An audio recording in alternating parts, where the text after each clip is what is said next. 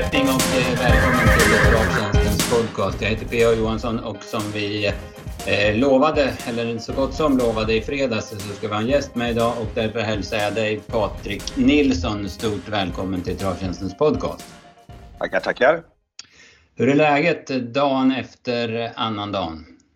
Jo tack, det är eh, bara bra. Det var ju fullt ös på Solvall och traditionsenligt eh, annandags eh, trav då med, med fina lopp. Och nu hämtar vi igen oss några dagar efter den upplevelsen så att säga och det är ju travfritt för min del då fram till eh, nyårsdagen. Ja precis, det är ovanligt eh, lugn vecka det här kan, kunde jag konstatera när jag kollade travschemat så att säga. Ja, almanackan har ju gjort så att det är några dagar ledigt och det, det kan vi passa på. Det är ganska skönt att vara ledig några dagar också. Sen är det är på igen nästa vecka så att säga. Då. Mm, ja precis, du är ju Ja, men vi måste väl säga att du är Sveriges meste referent. Va? Det finns väl ingen som, som, som kommer upp i antalet dagar som, som du refererar. Hur många dagar under 2023 har du jobbat som referent? Ja, jag skulle tippa på drygt eh, 200 dagar, mellan 210 och 220 dagar skulle jag tippa på att det blev här under 2023. Då. Mm. Det är alltså, vad blir det? Det blir fyra i veckan? Alltså. Ja, det blir väl lite drygt fyra i veckan i snitt. Va? Mm. Vilka banor är det som du är eh, så att säga stadig, som du är ordinarie referent på? Ordinarie på sju banor eh, i Sverige. Om vi börjar österut så är det ju Solvalla, Eskilstuna, Örebro, Lindesberg då, sedan eh, Färjestad, Åmål och Årjäng. Så det är väl lite första reserv kan man väl säga på, på, på Rommetravet och med. Det är väl mm. min så att säga första eh, reservbana om vi säger så. Mm, mm. Vad är, om vi säger så här då, hur, hur är det att referera på de olika banorna? Det är ju, alltså, jag förstår ju att man sitter på olika ställen, som på Solvalla till exempel, det, det kanske inte alla har koll på, men där sitter du ju alltså på taket, eller i, i taket på, på uteläktaren, på eläktaren, visst är det så?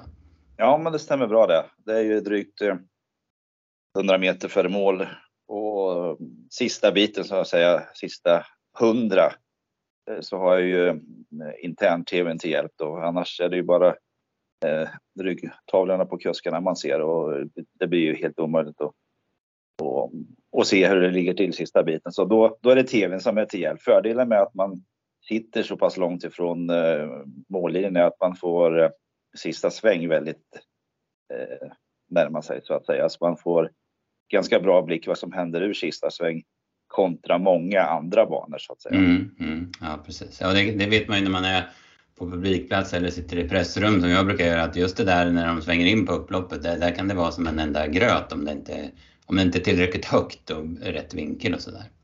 Precis, och Solvalla sitter man ju mm. ganska högt upp och även ganska nära banan så att eh, man ser ganska bra där. Mm, mm. Annars då, är det någon bana så där som, som du tycker är extra bra att, referera på? Någon bana som, som är liksom det svårare för, för man har den positionen så att säga? Ja, lite svårare är det ju faktiskt så exempelvis Fornaboda, Lindesberg sitter man ju ganska lågt. Eh, man sitter en bit från banan, man sitter väldigt lågt så att eh, hästarna där ur sista svängen, de är långt bort om man säger så. Så där får man ta eh, kikaren till hjälp och på den banan exempelvis så har, har vi inte tvn till hjälp på samma sätt som man har på en, en del andra banor. Så jag skulle säga på den banan är det väl som referent kanske eh, man har som svårast att följa loppen. Mm, mm. Krävs det då att man är mer eh, ja, förberedd eller?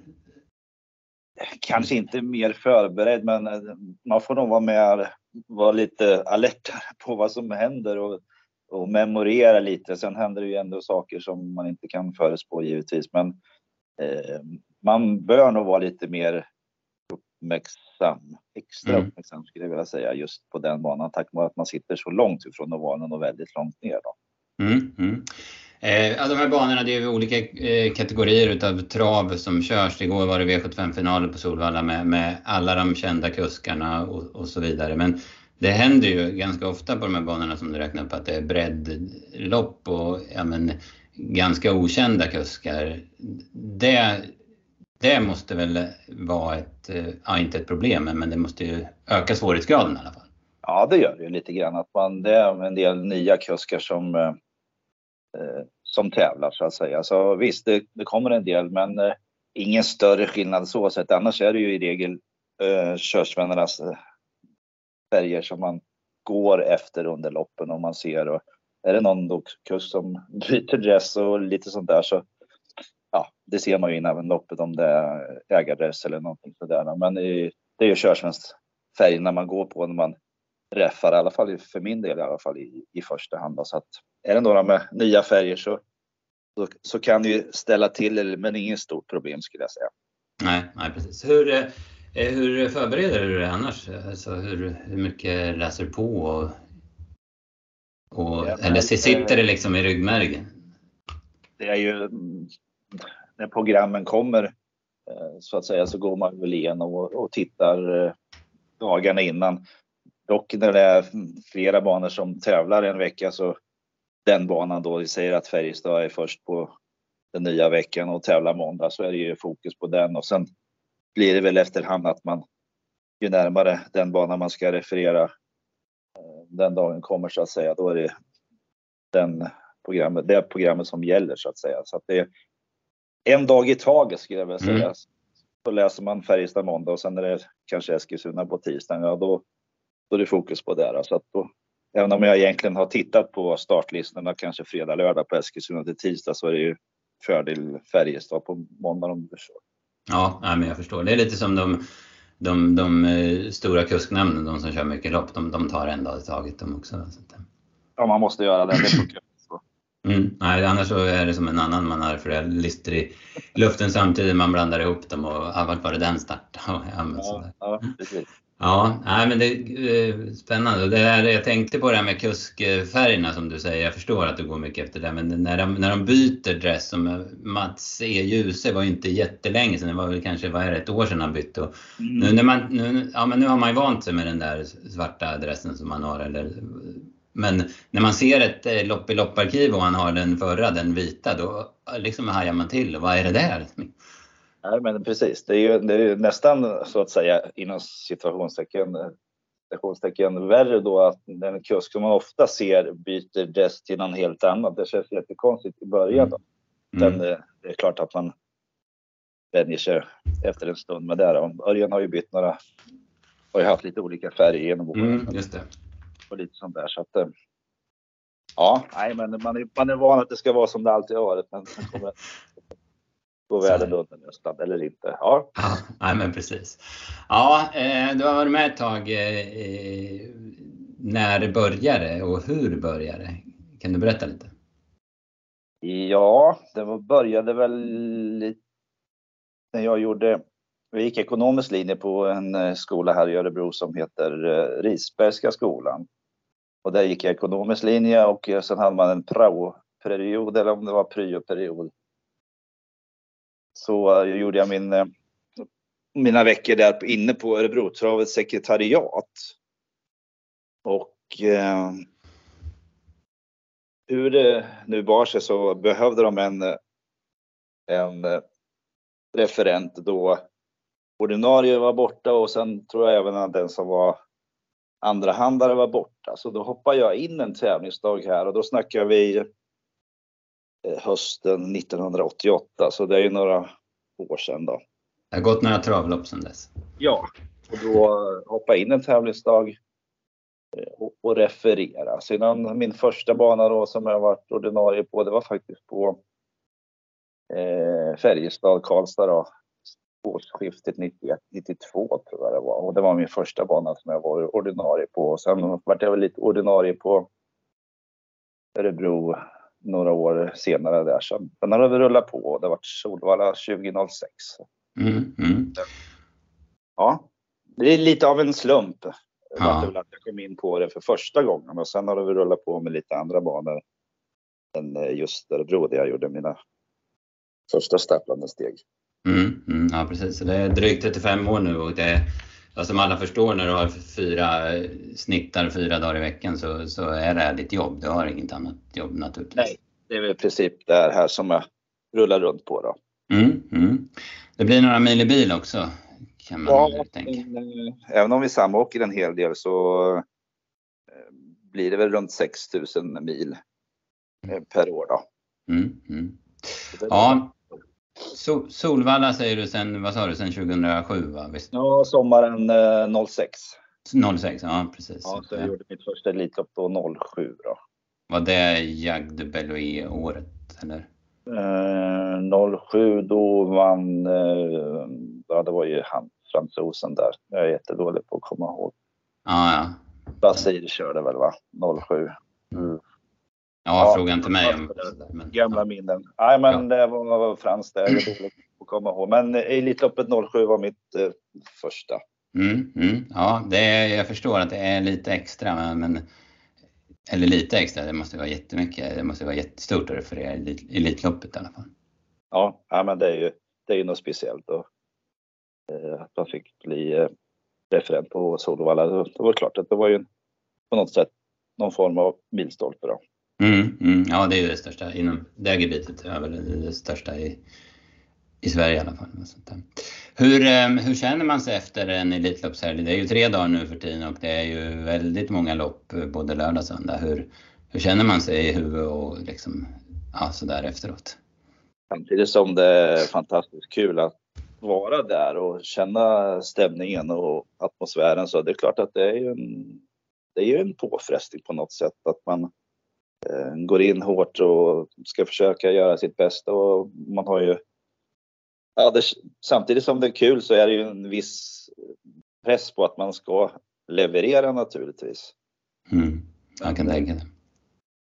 I grund och botten så är det ju mest eh, glädje och man är ju stimulerande att få, få jobba just med eh, den helgen, fredag, lördag, söndag. Så att, eh, ja, det känns, eh, det känns bra, men samtidigt känner man att man har lite press på sig att man ska leverera just den helgen. Då. Mm, mm, ja, precis. Men det, jag måste säga att du levererar ju väldigt bra även en eh, breddloppsdag på Fornaboda. Det är ju, det är ju ofta otroligt stabila, stabila referat och det är väl ditt ja, men, stora signum. Grundtanken är väl att man ska leverera eh, lika bra som du säger då en breddloppsdag kanske på eh, Fornaboda likväl som en Elitloppshelg på Solvalla. Grundplåten är ju att man ska referera var hästarna ligger och försöka få ut det, det bästa av det man har eh, ute på ovalen så att säga. Mm, mm. Eh, du, du refererar, jag menar, alltså väldigt, vad ska jag säga, ja men ordinärt om man säger. Du refererar och inte lägger så mycket vikt eller egen bedömning eller sådär i dina referat. Och det vet jag att du liksom har som, som mottomål. Ja men precis. Jag tycker inte man ska, vad ska jag säga, grunden är ju så att säga referera vad som händer på banan och eh, inte lägga in några, så att säga, några egna bedömningar på, på det man ser ute på banan utan bara, bara referera själva loppen och försöka hålla sig till det. Då. Mm, mm, ja, precis. Ja, jättebra. Eh, ja, vi var ju på Solvalla igår, både du och jag. Ska vi försöka gå igenom lite? Det är väl den V75-omgången som vi tänker gå igenom. Och inte bara för att vi fick in slutspelet och vann eh, runt 120 000 igår utan det var så att den, det var den dagen vi hade bestämt eftersom du var där och jobbade och sen är den som ligger närmast i tid också. Eh, men vi kanske ska nämna från eh, juldagen Umåker där Sandra Eriksson vinner, alltså vinner fyra V75-lopp. Det är ju, det är ju ruskigt starkt gjort. Fantastiskt, fantastiskt bra. ja, det, det är skarpt. Mm. Och ändå så hörde jag hon sa att ja, men mina hästar går inte så bra på isen och sådär. Men då gick de väldigt bra i alla fall. Det gick som skålade troll. Japp. Ja. Ja, V75 igår då, annan dag på Solvalla. Det började med att Dear Friend, ja vad ska man säga, hon skrynklade ihop sig ledningen igen då och eh, lite under max. Så att det vart eh, andrahandsfavoriten var det, tredjehandsfavoriten på sträckan Decision Maker som vann från utvändigt ledan. Ja, nej hon eh, hade väl inte sin dag igen får vi väl lov att säga. Men det är fantastiskt att hon har hållit igång så länge då. Ja. Så hon må väl vara förlåten att hon är på att han, har dippat det igen då, om vi får lov att säga det. Om, eh, mm. Nej, mm. Decision Maker var ju bara bäst i det loppet utvändigt va. Ja. Lite överraskande för mig var att Dear ja men man vet ju att hon är snabb ut, men att han laddar så mycket så att eh, jag vet inte om Jorma släppte ledningen eller om han inte kunde svara med Filippa BI. Annars brukar ju hon vara smått, smått omutlig just när hon har spår 1 bakom bilen, Filippa. Det, kändes ju på förhand kanske som att eh, Filippa BI skulle hålla ut i DFN. Och det är ju som du säger då att körde Jorma för fullt eller ville han ha rygg på eh, Dear Friend? Det kan man ju mm. fråga sig. Men det vart ju Dear Friend i ledning och Filippa BI vart ju kvar där bakom och Decision Maker hamnade först i andra spår och, och Björn backade ner i fjärde in i första sväng. Då gick ju kanonbra till slut. Så att, mm. ja.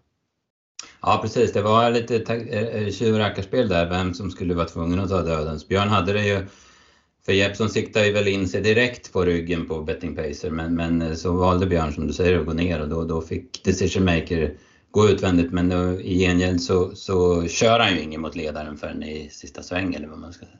Mm. Nej precis, det var väl nästan 16 på 16 på varvet och mm. sen gick det inte så där väldigt fort första fem på slutrundan heller utan det var mer körning sista 400 in mot mål där och, och det syns väl 300 kvar att Maker i alla fall slår eh, Dear Friend då. Mm, ja precis, jag sa det till han som jag stod bredvid att 500 kvar var det. Då sa jag alla ser bra ut. Då sa han lugnt att ja, men det ska de göra när det har gått 16 första varvet också. Så det... Ja men lite så var det naturligtvis. Ja. Mm. ja, Decision Maker stegar undan. Har ju Kyla Westwood följer med bra i rygg tycker jag. Sen Betting Pacer där som du sa, han får ju krångla sig loss och sen går ju hon fortast av alla över upploppet. Så hon är på väg mot en eh, ja, men riktigt bra form.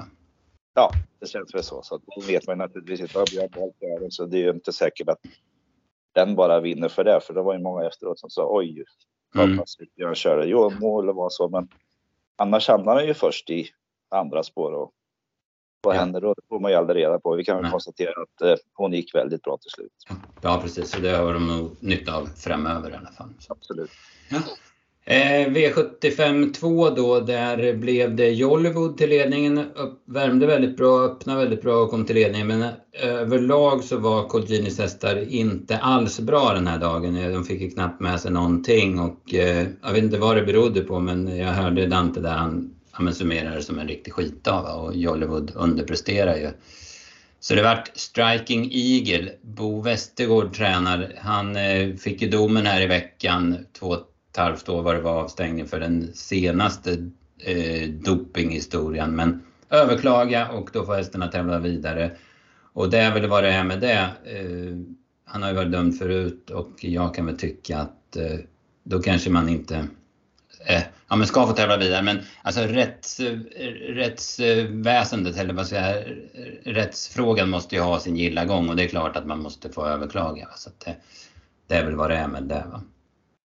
Det känns väl så. Det är ju en, vad ska man säga, fadd eftersmak är det rätt ord, jag vet inte. Ja. Men det är ju ändå andra gången och det, vad är det de säger, hata slumpen. Va? Mm, ja men precis. Så är det andra gången samtidigt som vi har ju, man får ju följa sig till de reglerna som vi har just nu då i alla fall. Att nu har de överklagat och bla bla bla, ena med det andra med det. Så får väl hästarna tävla på en, en stund till då.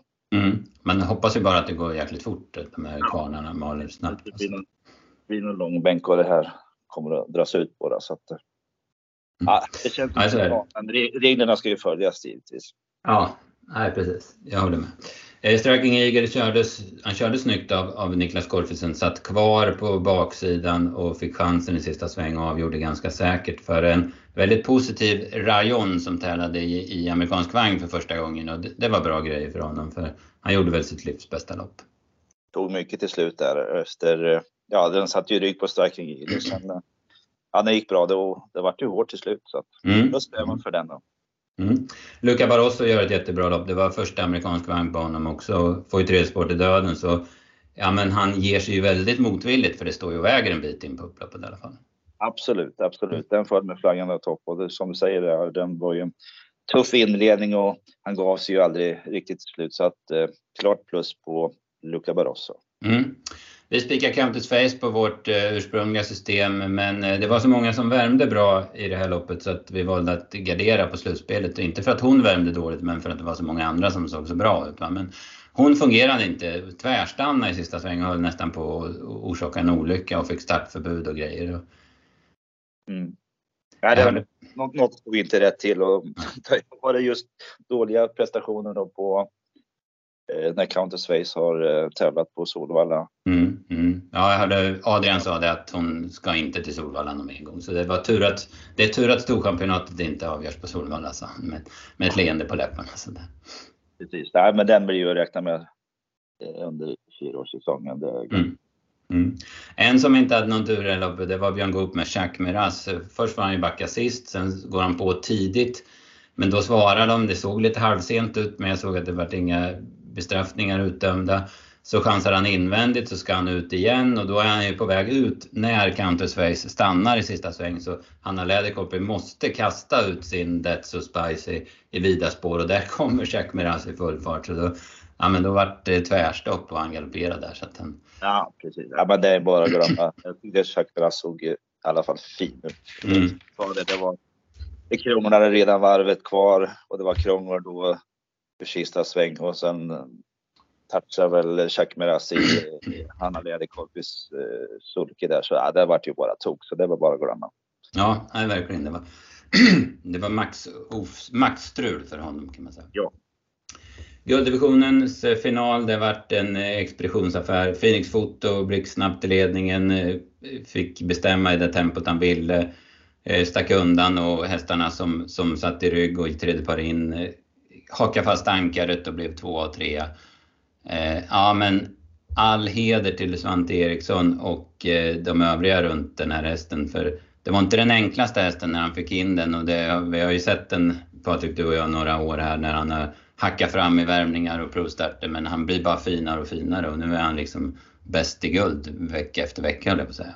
Ja, det är fantastisk häst. Vilken löpskalle han har och som du säger då tidigare i karriären när han slet lite med aktionen och allt det där men har ju genom åren visat en prov på en fantastisk eh, inställning till det här och nu när den kom till ledningen då han släpper inte gärna någon förbi sig. Det är ju bara så. Mm, nej, verkligen inte.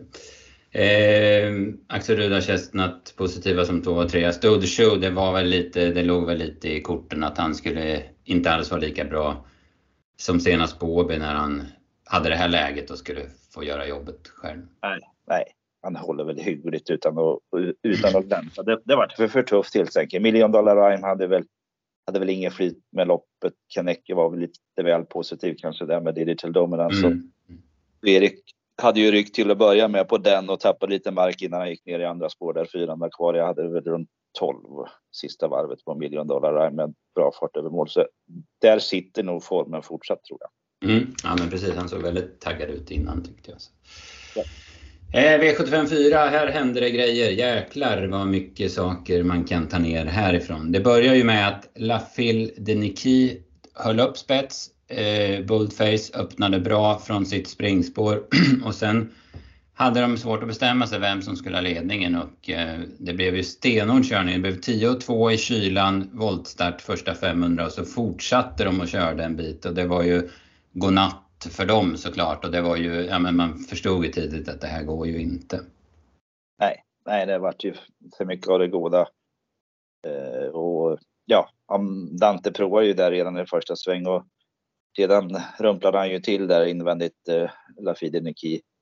Ja, efter 500 tog han, eller tog hon något galoppsteg? Ja, hon, hon, tog ju något steg där då och sen, sedan eh, ligger enligt eh, nämnden då, måldomarna, så fick ju Dante Collini för snökörning mm, där. Ska vi väl säga där med eh, efter 600-700 körda när Lafide Niki får galoppen där att han ligger för tight in på och på så sätt eh, stör eh, Lafide Niki till galoppen mm. där. Så det var ju godnatt både för 1 och 6 tidigt i loppet måste vi väl säga då. Så mm. Men det hände mer efteråt kan vi väl Ja, precis. Eh, Juvilla får ju dödens då och sen så är ju Boldface eh, tidigt slagen så den tar över. Eh, 750-800 kvar någonting och då får Rosemary Tile dödens. Och då börjar de, ja, tidigare så har ju Olli Håleryd gått, eh, blivit hängande kommer ner i fjärde par invändigt. Och, och sen så, så vidare ut på slutvarvet så kommer ju Global Collection bakifrån. På, på bortre långan går Donna Summer ner invändigt och kommer Global Collection ner i andra par utvändigt och då har Olli Hålryd fastnat i en kall rygg och sen letar sig ut och ner invändigt igen. Och så kommer han in på upploppet, då är ju Villa väldigt stum i benen men kämpar. Men Rosemary Tile avgör i sista stegen till skrällseger och bakom där sitter ju en hel svärm, framförallt kanske Donna Summer men även Global Collection, Olli Hålerud och så vidare, fast med krafter kvar. Ja, det var ju ett helt gäng. Det här är perfekt sån där lopp när man ska skriva travfakta kan jag ja. Förändringar hela tiden. Och så då när Boldface stannade, då Penthouse och Udinese Leber, mm. ja, även eh, Olli eh, Håleryd hamnade ju helt punchigt på. Udinese Leber gick väldigt bra i skymundan sen. Men det som sagt, det var många eh, som satt fast till slut och Viktor Rosleff väljer att gå ner i invändet och Mats Djuse följer med i andra spår. Sen blir de fast. Ja, de vinner väl båda två, eller den av dem som får lucka vinner väl, känns det Ja, ja det var det var konstigt. Det är inte styrningar i sig kanske, men nej. det hände så mycket fast ja, nej, det, det var många som satt fast bakom den här Rosemary Tylo. Mm. Givilla ser ju ut som en vinnare 300 kvar och egentligen hela upploppet lite, lite tveksam till om det är den där riktiga moralen till slut. Det kan ju vara så. Hon har ju vikit sig förut, men då har hon blivit het. Men, ja. ja, inget fel på insats. Nej. Eh, kanske inte det där 100-100 för att vinna lopp. Nej. Sen tycker jag Jurista gör ju ett bra lopp men samtidigt så hon fick ju bra, rätt så bra lopp och ja, men det var, hon liksom fick kämpa så för varenda meter ja. kändes det som. Så ja. att, eh, kanske hade jobbigt med banan, jag vet inte. Ingen tokig prestation.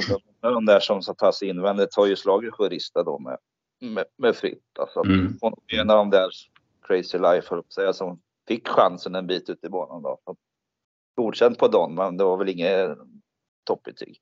Nej, nej, precis. Jag ska jag ta med mig någon från det här, eller man kan ju ta med så många man vill, men jag tyckte Donna Summer, den hade jag inget tro på på förhand, men den såg ju faktiskt väldigt bra ut. Mest hela vägen ska jag säga. Kan vara igen, absolut. Mm. Eh, sen hade vi ett nytt rivigt lopp här i V75 5 där Corazon Deby lite överraskande höll upp ledningen. Men det är väl så att Per inte laddar varje gång med honom. Men då han gör det och har helstängt huvudlag, då är han riktigt snabb ut. Så han höll ju ut Dominic Bibb. Eh, det var rejäl körning första biten och sen så det gick ju 07 och 0 första 500 och sen kommer Maverick och Dream och det är ju inte den hästen som lägger sig lugn i dödens. Nej precis, och det vart ju 11 och 3 på varvet och bra fart eh, eh, första fem på slutrundan också. Så att, ja, tapprismedalj givetvis till Corazon Deby och han släpper inte gärna eh, någon över bron när, när han får ledningen. Ja, nej, han är verkligen en tiger i ledningen. Alltså det, det gick trögt till slut här. Jag hade 15,5 ungefär sista åtta på honom, men det är ju fullt förståeligt. Och det var ju, han vann ju med en längd, så det var ju ingen som kom i närheten av honom heller. Så det var ju mycket stark prestation. Eh, ja men spännande, spår, spännande vägval av Mats E. Djuse här. Där, där, eh, han hade ju med Hipsteram, han hade väl vunnit med fritt men samtidigt så är det jävligt snyggt att bli trea när han sitter i, vad var det, 70 elfte par utvändigt och sen chansar ja. invändigt. Det var ju 1200 kvar då, var väl så att säga knappt i bild. Nej, precis. Och körde invändigt under slutrundan och så ligger i princip sist 800 kvar på innerspår och få köra sig fram invändigt och bli med lite sparat i mål. Då. Det, var, det, det såg man inte varvet kvar direkt. Nej, verkligen inte. Nej, snyggt. Synd. Det var nästan lite synd att, inte lyckades, att han inte fick luckan där. Att Dominic Vibb stannade så han hade kommit ut. Eh, vad hade vi mer då? Vi hade här Garth Way, det var väl en besvikelse. Han fick ju ganska bra lopp men det var soppatorsk i stort sett direkt när han bred på i tredje. Ja, det var helt eh, torsk. Det var väl inte Westholms dag heller. Nej, nej. På travet. Nej, den, den fick ju bra lopp och Jörgen provade där på bortre långan, men det, nej, det var in, inte bra för dagen. Nej, nej, precis. Sen var det som vi sa i förra podden, Hannibal Face, där han gör det väl okej, okay, men det är inte den där Hannibal Face man, man har sett, hans topprestation. Han går helt okej, okay, fast kanske inte det där lilla extra till slut faktiskt. Nej. Jag tycker de ska vara lite närmare. i det här loppet som det blir. Ja, precis. Han får ju lite dålig rygg i Gartweider men samtidigt tar han ju typ ingenting på dem till slut heller. Eh, V756 då så ritades det om eh, när eh, först strök ju, ströks ju Always Face, sen ströks ju senare närmare, spel, eh, närmare mm, annandagen då ströks ju Game on Butcher och då ritades ju loppet om framförallt för Here's Johnny Sock som hade ett uselt läge från början som blev ändå ganska bra nu och dessutom med Game on Butcher borta. Så då förstår man att Erik vädrar morgonluft och skickar honom från start och så släppte ju Jaxjörn i ledningen och så, då satt han helt plötsligt i spets från att ha haft ett uselt utgångsläge vid, när listorna kom. Ja precis, från eh, åttonde då när listorna kom så att säga och två strykningar och sjätte bakom bilen nu då. Och sen eh, Klas släppte då med Jaxjörn och Erik fick ledningen så ja, då var det ju hästen att slå när mm. Pigg samlade utvändigt och blev väl pigg. Va? Ja, precis. Han sa det Örjan. Jag hade att välja mellan dödens och fjärde par in och det är klart att med en betrodd häst som är bra för klassen tar man ju dödens då. Men då blev han lite för pigg istället, Pingis. Det var inget att välja på. Nej, precis. Sen gör ju Perkins ett jäkla lopp. Han har ju varit försiktig, eller vad man ska säga, bakifrån tidigare. Han har inte varit den som bjudit till bäst bakifrån, men nu gjorde han ett jättelopp eh, den här gången och utmanar ju verkligen eh, Hersjanis också. Gör ett kanonlopp och nej, stora plus på Perkins. Mm. Eh, vi hade ju fått eh, riktigt bra utdelning om det var, om det var så att Jacks Journey hade hittat ut och att han hade slagit sig förbi. Det är väl inte omöjligt och jag, jag var så säker på att han skulle komma ut framför Pingis och innan Perkins kom ner i andra spår. Men Pingis höll farten lite för bra så det var ett par framhovar där hela tiden. Och så Wäjersten såklart, han tänker ju inte ge någon chansen utan han kastar ju ner Perkins i andra spår innan han kom in på upploppet. Ja, nej, och det, det, är lite, det är lite racing i det här och rent spontant när man eh, är med live i det där loppet. Oj, eh, ska han gå ner där? Ska han komma ut? Men så tittar man då på loppet i efterhand så ja, då är det ju, det är ju racing så att säga. Det, Wäjersten gör ju inga fel där. Nej, precis. Det var ju liksom hans plats där. Ja. ja. Men det var lite surt. Jag, jag känner nog att Jack Ciani vinner det här loppet om han får chansen där. Ja, det är väl inte... Får den chansen blir det intressant att se. Nej, det är klart att det är vettig chans att han vinner om luckan kommer där i början på upploppet. Mm. Men eh, nu vart det helt Johnny Sox. Eh, jättebra tränarjobb. Det var inte den hästen som travade bäst tidigare men nu, nu flyter det bra för honom och man har ju skördat fina framgångar. Det var ju rätt bra betalt i det där loppet eh, som man vann i Norge och sen så eh, tvåa, etta, etta på V75 efter det. Ja, och Lars hade två hästar till och det var seger med bägge. Mm, ja, precis. Fin den där som Jeppson vann med innan där. Som eh, Flamenco Girl som bet ifrån sig väldigt bra i spets. Eh, V757 då så fick man ju mer och mer feeling för chitchat eh, under, när man läste att det skulle bli rycktussar och sen så, så, ja, så såg han ju väldigt smidig och fin ut och eh, hittar ju ner i en bra position. Det var ju lite känslan att det skulle kunna gå att lösa sig. Han hade spår precis utanför startsnabba duon, Santis Hilton och Glorious Rain. Medan Kinky Boots hade spår 9 och den har ju faktiskt den har ju lite svårt att följa ryggar sådär från start. Så att, eh, det fanns ju rimlig chans att han skulle hitta ner i en bra position och sen så, så när han styr på 800 kvar så han ser, jag tyckte att han såg ganska confident ut hela slutrundan, Wäjersten. Att han liksom satt på, på leken det kändes så. Och det, och det gör ju ett kanonlopp och det var 12 och 7 på varvet, Glorious Rain. Och de segrar på 13-0 så var det väl i princip jämn fart mm. hela loppets gång. Och han gör ju grovjobbet, ja, sista 900 nästan och är ju bara bäst i det här loppet. Mm. Ja, det är hög klass på den där hästen när han fungerar fullt ut. Det såg vi ju inte minst förra vintern då, då han också vann ett par V75-lopp kommer att klättra en del tror jag. Mm, mm. Eh, Glorious Rain, hon eh, pallar inte i spets. Det är alltså, ja det, det kan ju vara lite med banan och hon är ju, men hon, jag tänker hon tränar väl aldrig på brodd eller sådär va. Så det, sånt där kan ju ställa till det för dem i alla fall. När det var 8-10 grader kallt på Solvalla och ja, men lite speciell bana i alla fall.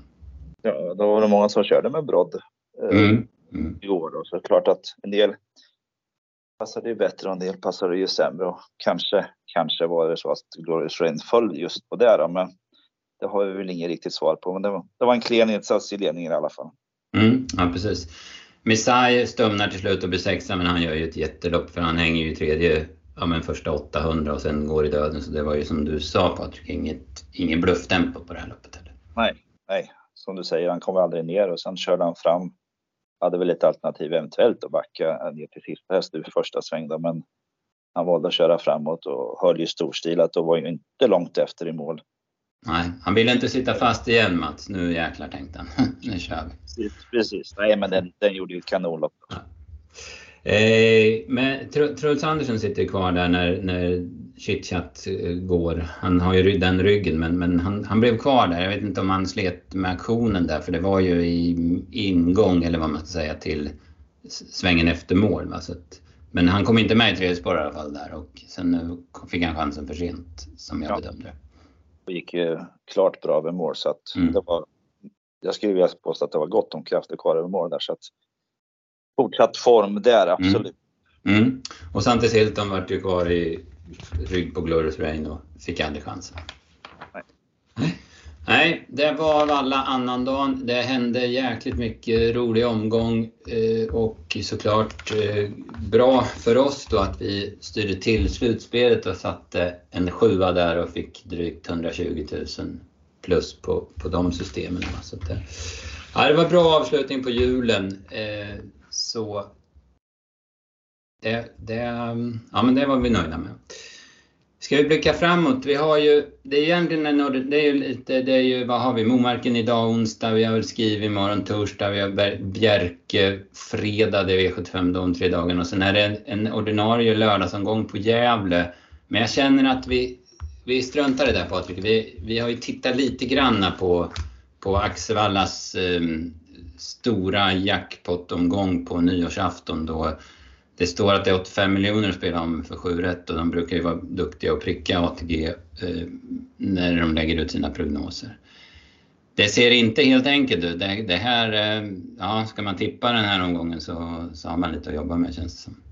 Det finns att, att bita i så att säga och det är klart att det blir ju en fin omsättning givetvis där på nyårsafton och förhand ser det ju ut att kunna bli rätt så bra betalt om man skickar in sjuan då.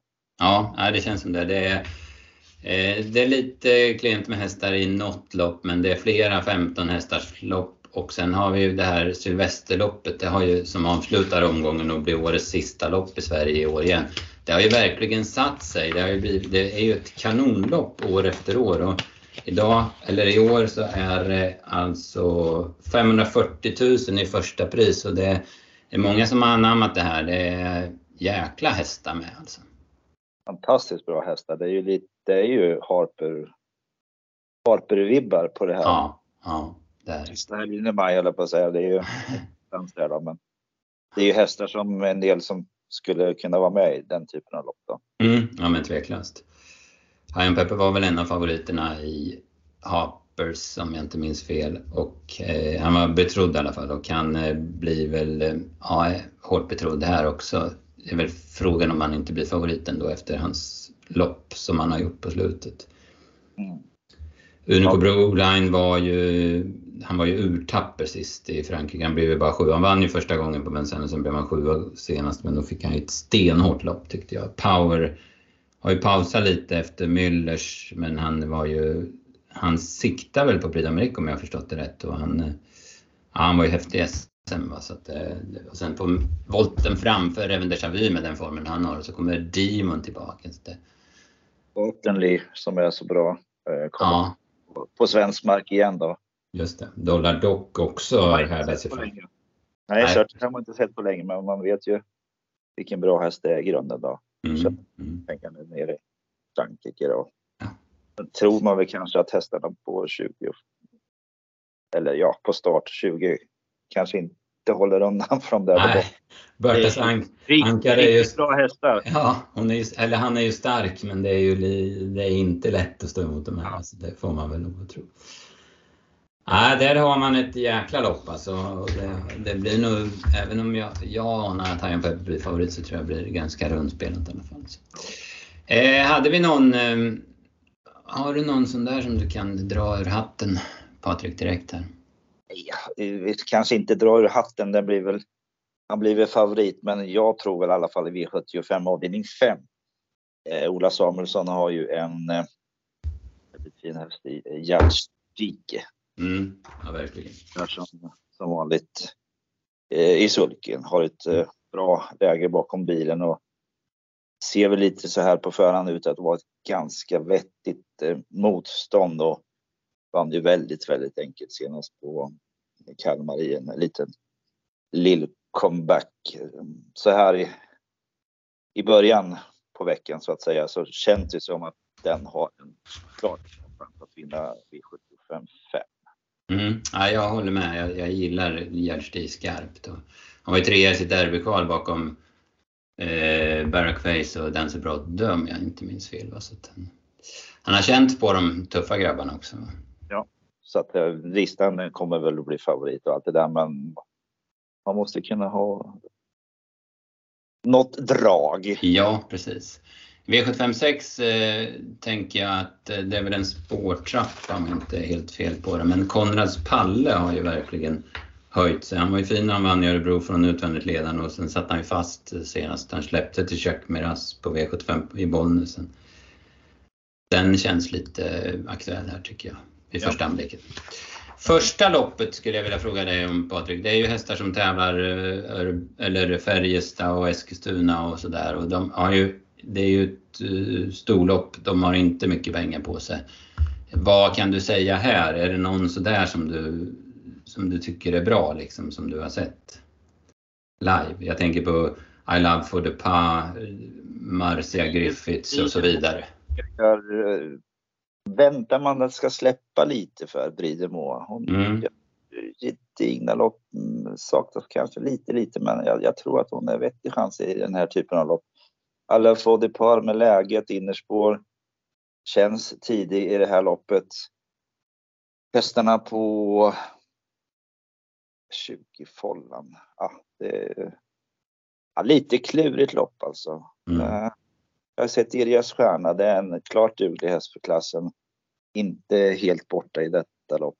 Eh, sen har ju Johan Untersteiner 11 Unicorn som Erik får chansen på denna gång. Hon gör också vettiga insatser. Men ja, här kan det absolut skrälla. Det mm. Mm. inte... Ja, känns lurigt. Mm, ja precis, jag vet, jag nämnde ju Jupiter Face efter loppet senast. Det var, hon hoppade från start och sen var det strul och så såg hon jättebra ut över mål. Men det som du säger, det känns inte som de är så jäkla mycket bättre de här som står tillägg och sen ska de runda ett helt fält också. Så det, jobbig uppgift känner jag. Två Marsha Griffiths, hon var fin på Färjestad. Intressant med Per Lennartsson. Mm, mm. Eh, förvisso ett ganska enkelt lopp på Färjestad, det ska vi komma ihåg. Men eh, ny kusk, intressant och hästen är inte så tokig i alla fall. Så att, eh, den tror jag inte blir så där jättemycket har två Marsha Griffiths. Ja, nej, det här är som sagt ett av många svåra lopp. Young Andy har ju, ja men den har vi ju följt. Han var ju fin i Örebro och fin när han vann på Romme. Sen, sen stämde det inte för honom. Per sa att han Ja, men han fick ju inte stämma någon gång på, på Valla sist och hoppa i mål också. Ja, det var ju klart. Ingen var ju klar så att säga. Men som du säger, det stämde inte till slut. Och det var ingen direkt överraskning att han hoppade till slut. Nej, precis. Det, det vet vi, men tittar vi i raden så är det galopp ändå i tre av de fem senaste. Så att, mm. Inte helt att lita på, men kapacitet för att vinna har han ju givetvis. Ja, nej, men så är det absolut.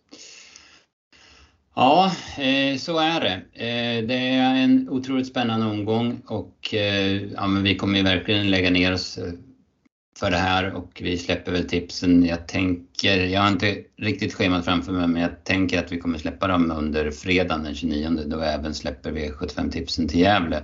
Men allt sånt där står på vår hemsida travtjänsten.se. Så att, där finns alla uppgifter om, om när vi släpper material och så vidare.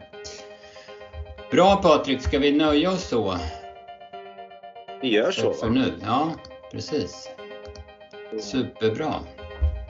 Får du ladda upp inför Färjestad på nyårsdagen då så, så ska vi försöka leverera lite tips under tiden på Travtjänsten också. Så. Ja. Bra Patrik, god fortsättning och eh, gott nytt år om vi inte hörs och eh, detsamma till alla er som har lyssnat. Tack så mycket.